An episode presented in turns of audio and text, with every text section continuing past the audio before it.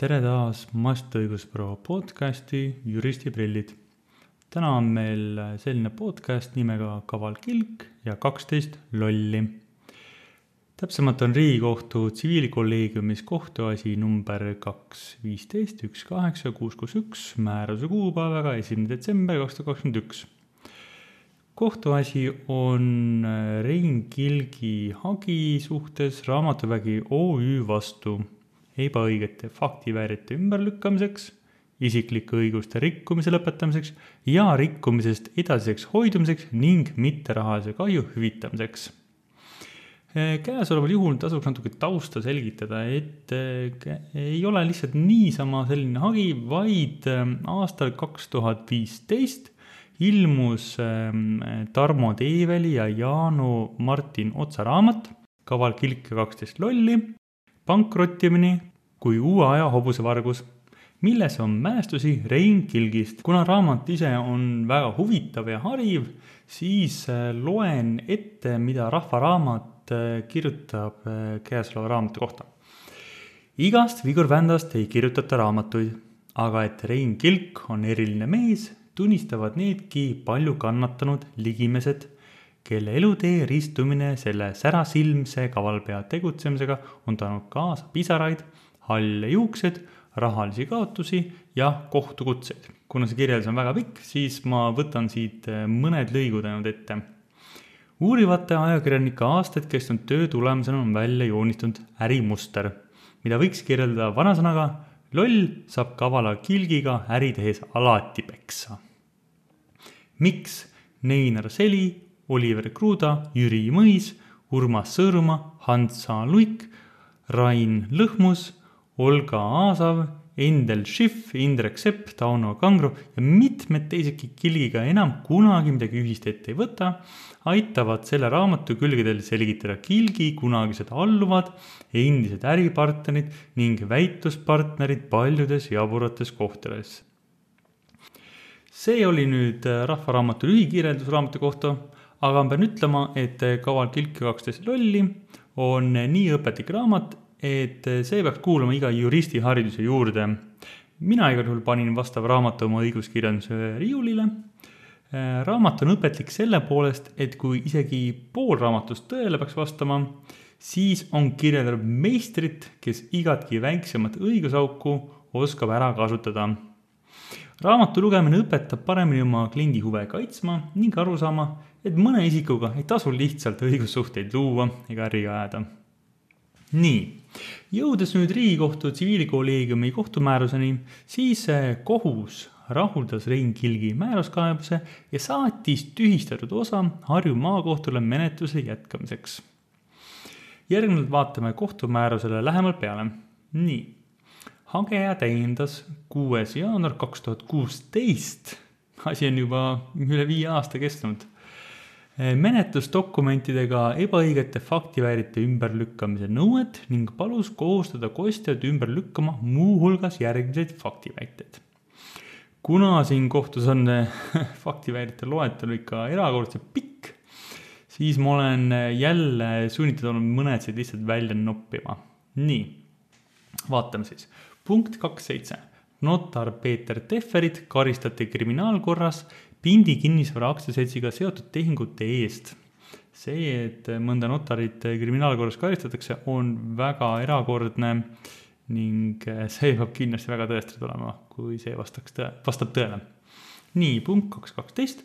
Põltsamaa Ede osteti selleks, et see PRIA toetuste jaoks abikõlblikuks vuntsida ning kui saadud toetused käes, kadusid firmas ka seadmed ja kinnisvara.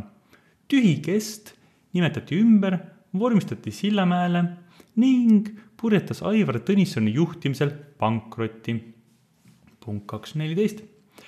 tegevus lõpetati kogu nii äk-, äkitselt, et töös olev verine lihamass jäeti masinatesse ning äh, läks seal roiskuma. nii muutusid seadmed üleöö kasutuskõlbmatuks. punkt kaks kaks kolm pereaktsiaselts tegeles varade kantimise ning vastutuse vältimise ettevalmistamisega. punkt kaks, kaks, viis. Aktsiaselts Pere tegeles pankrotihoiatuste ja avalduste manipuleerimisega. punkt kaks, kolm, üks. juba üle aasta enne pankrotti kanditi pere restoranidest vara välja. punkt kaks kolm kaks. Veroli näol erastati edukas riigiettevõte ning Veroli erastamise täideti sellega kaasnenud investeeringukohustust ilma reaalset raha sisse panemata, puhtalt paberil tekitatud nõuetega. punkt kaks kolm neli biodiisel aktsiaselts leppetrahvi nõuet kasutati nii Veroli aktsiakapitali suurendamiseks kui ka Veroli raha väljavõtmiseks. punkt kaks kuuskümmend, mõistati juba neid punkte päris palju.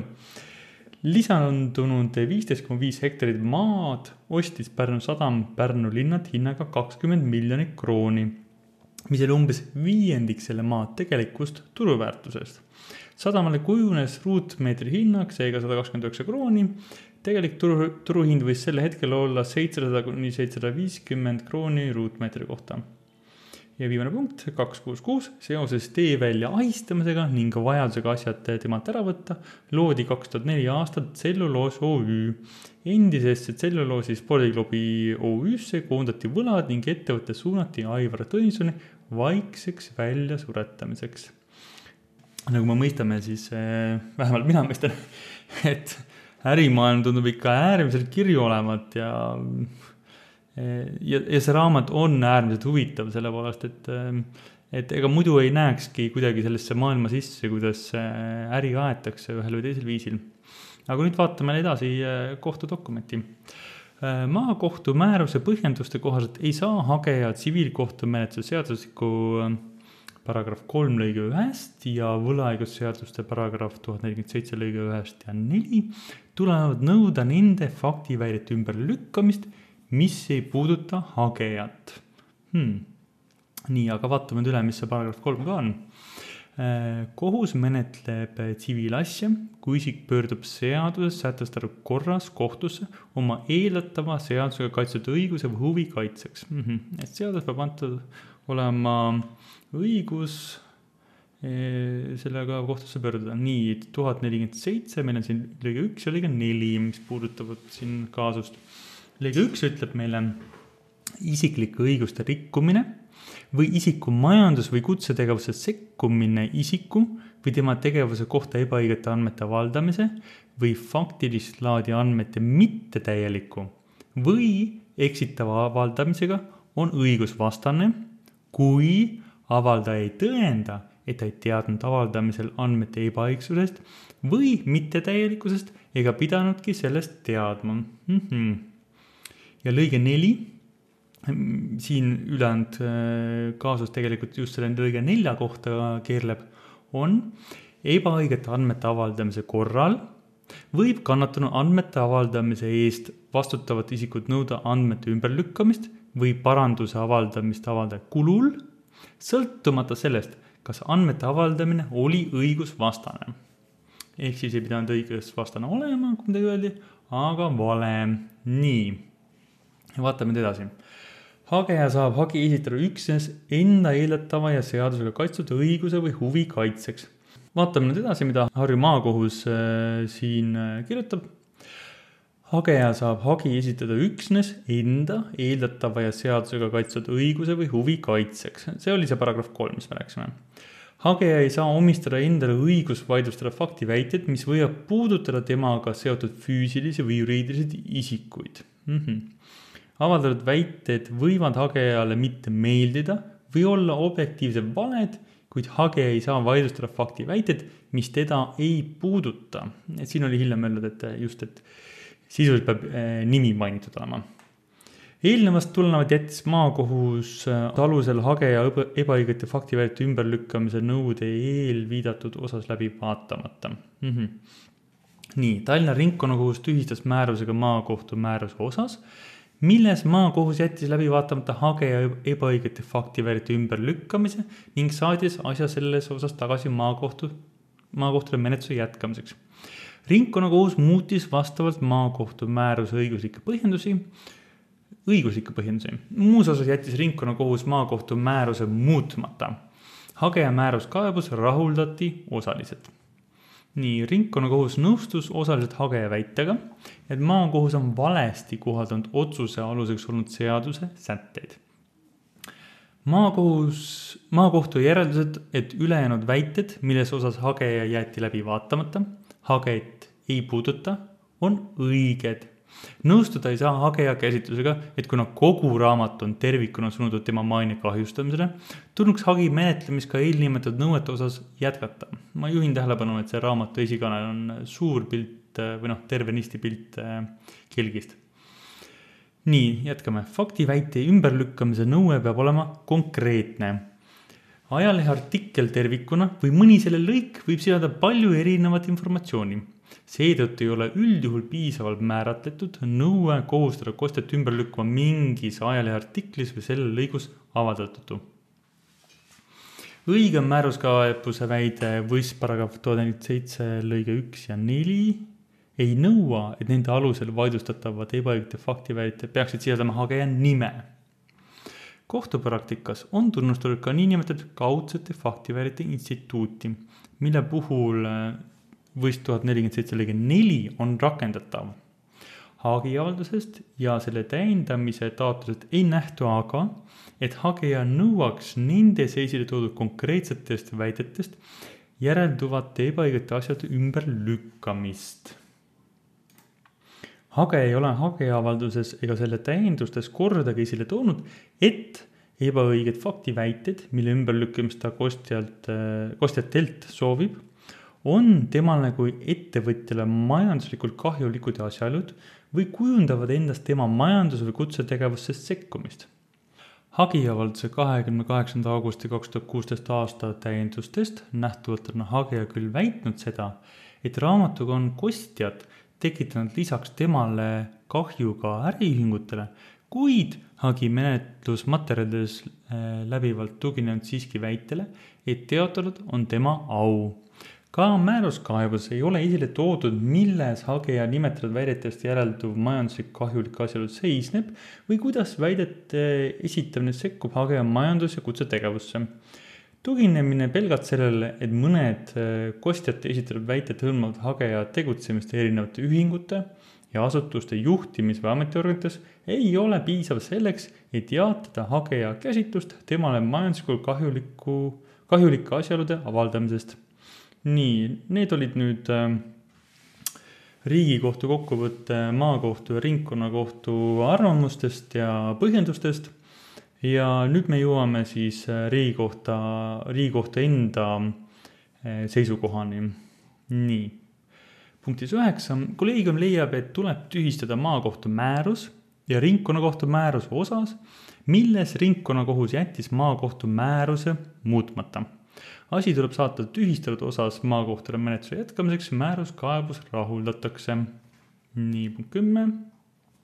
Kolleegium leiab, et kohtud on rikkunud praeguses asjas vaidlusaluste faktiväidete osas hagi läbi vaatamata jättes kohtulahendi põhjendamise kohustust kuna pole põhjendanud oma järeldust, et vaidlusalused faktiväited ei puuduta hagejat. tõesti, mina ka ei näinud ühtegi põhjendust, et lihtsalt oli öeldud, et ei ole. Punkt kümme üks, maakohus põhjendas vaidlusaluste faktiväidete osas hagi läbi vaatamata jätmist sellega, et need faktiväited ei puuduta hagejat, mistõttu ei saa ta tsiviilkohtumenetluse seadusega paragrahv kolm lõige üks ja võss tuhat nelikümmend seitse lõige üks ja neli tulenevad nõuda nende ümberlükkamist. sealhulgas ei ole hagejal õigus vaidlustada faktiväiteid mis võivad puudutada temaga seotud füüsilisi või juriidilisi isikuid mm. -hmm. Samas ei põhjendanud maakohus oma seisukohta, et need väited ei puuduta haget. maakohus isegi ei käsitlenud neid väiteid eraldi.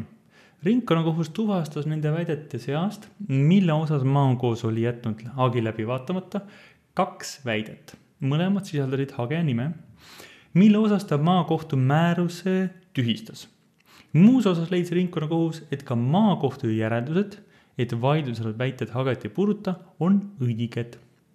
Ka ringkonnakohus ei analüüsinud igat väidet eraldi, seega on põhjendatud hageja väide, et kohtud jätsid hagi läbi vaatamata kõikide väidete osas, mis ei sisalda hageja nime.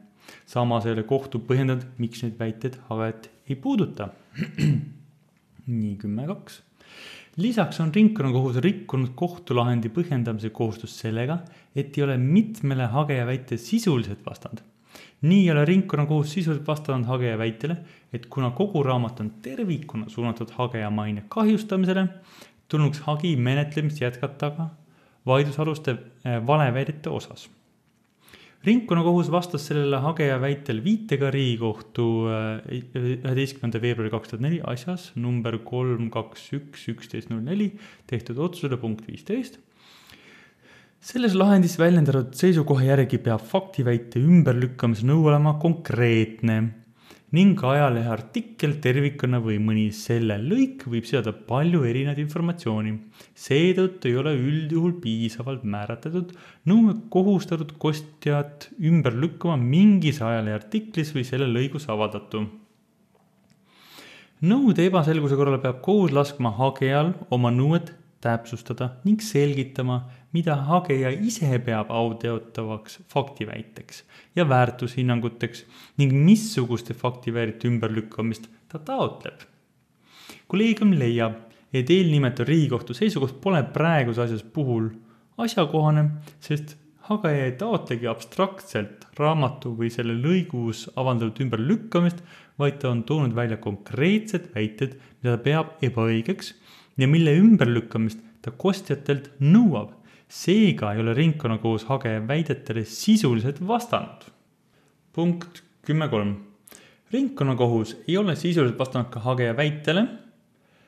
võss paragrahv tuhat nelikümmend seitse lõige neli kohaldamiseks ei ole vajalik, et ebaõigeid faktiväiteid sisaldaks, sisaldaksid hageja nime ringkonnakohus viitas vastuseks hageja sellele väitele, et kohtupraktikas on tunnustatud ka võimalust nõuda võss paragrahv tuhat nelikümmend seitse lõige neli alusel kaudsete faktiväite ümberlükkamist, aga praegusel juhul ei nähtu, et hageja nõuaks vaidlusalustest väidetest järelduvate ebaõigete asjaolude ümberlükkamist. see ringkonnakohtu vastus ei ole aga asjakohane, sest hageja ei väitnudki, et hagis ja selle täiendamise taotlustes välja toodud väidetest mille ümberlükkamist ta taotleb, tuleneksid mingid kaudsed väited hageja kohta. osa väidetest, mille ümberlükkamist hageja taotleb, võivad juba iseenesest olla kolleegiumi hinnangul kaudsed faktiväited, kuna need ei olnud raamatus täpselt samal kujul kirjas, nagu hageja nende ümberlükkamist taotleb. hageja väidete väitele, et tal on õigus nõuda ka selliste väärite ümberlükkamist, mis tema nime ei sisalda, aga rikuvad sellegipoolest tema õigusi ei ole ringkonnakohus sisuliselt vastanud. punkt üksteist. hageja tugineb ka sellele, et kohtud on tõlgenud äh, võist tuhat nelikümmend seitse lõige neli liiga kitsalt. Äh, võist tuhat nelikümmend seitse lõige neli järgi võib ebaõigete andmete avaldamise korral kannatanu andmete avaldamise eest vastutavat isikut nõuda andmete ümberlükkamist või paranduse avaldamise avaldaja kulul, sõltumata sellest, kas andmete avaldamine oli õigusvastane. kolleegium leiab, et kohtud on iseenesest õigesti lähtunud sellest, et hageja saab esitada hagi üksnes enda eeldatava ja seadusega kaitstud õiguse või huvi kaitseks. Nii sätestab tsiviilkohtumenetluse äh, paragrahv lõige kolm lõige üks, et kohus menetleb tsiviilasja, kui isik pöördub seadust sätestatud sätestatud korras kohtusse oma eeldatava ja seadusega kaitstud õiguse või huvi kaitseks.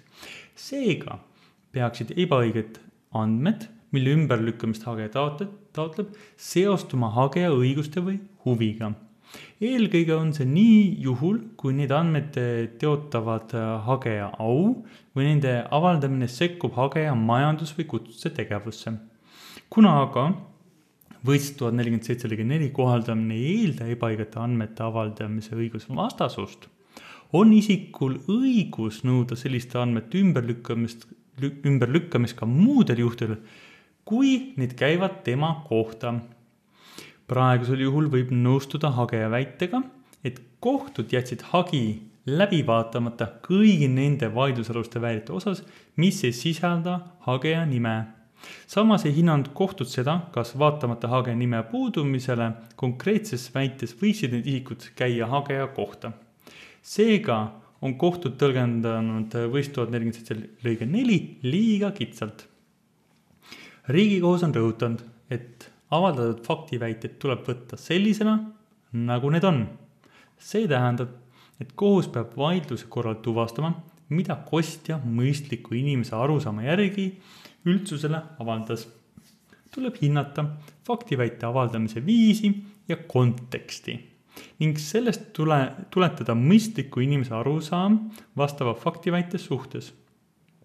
kolleegium leiab, et ka praegusel juhul oleks kohtud pidanud vaidlusaluseid väiteid hindama, võttes arvesse nende avaldamise konteksti ja tuvastades, kuidas mõistlik lugeja neist väärtest aru saab.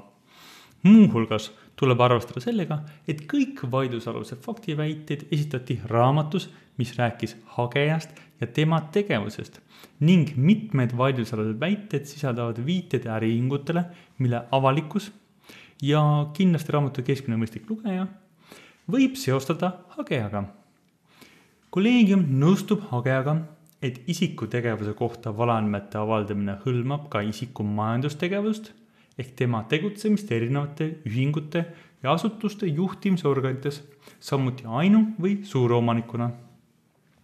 lisaks tuleb arvestada ka sellega, et Riigikohtu praktikast tulenevalt on õigus nõuda ebaõigete faktiväärti ümberlükkamist ka juhul, kui need iseenesest ei ole hageja au teotavad, kuid avaldaja on nendega põhjendanud hageja mainet kahjustavat väärtushinnangut hageja tugineb hagis lisaks faktiväärti ebaõigsusele kohati alternatiivselt ka sellele, et raamatus esitatakse tema kohta ebakohaseid väärtushinnanguid.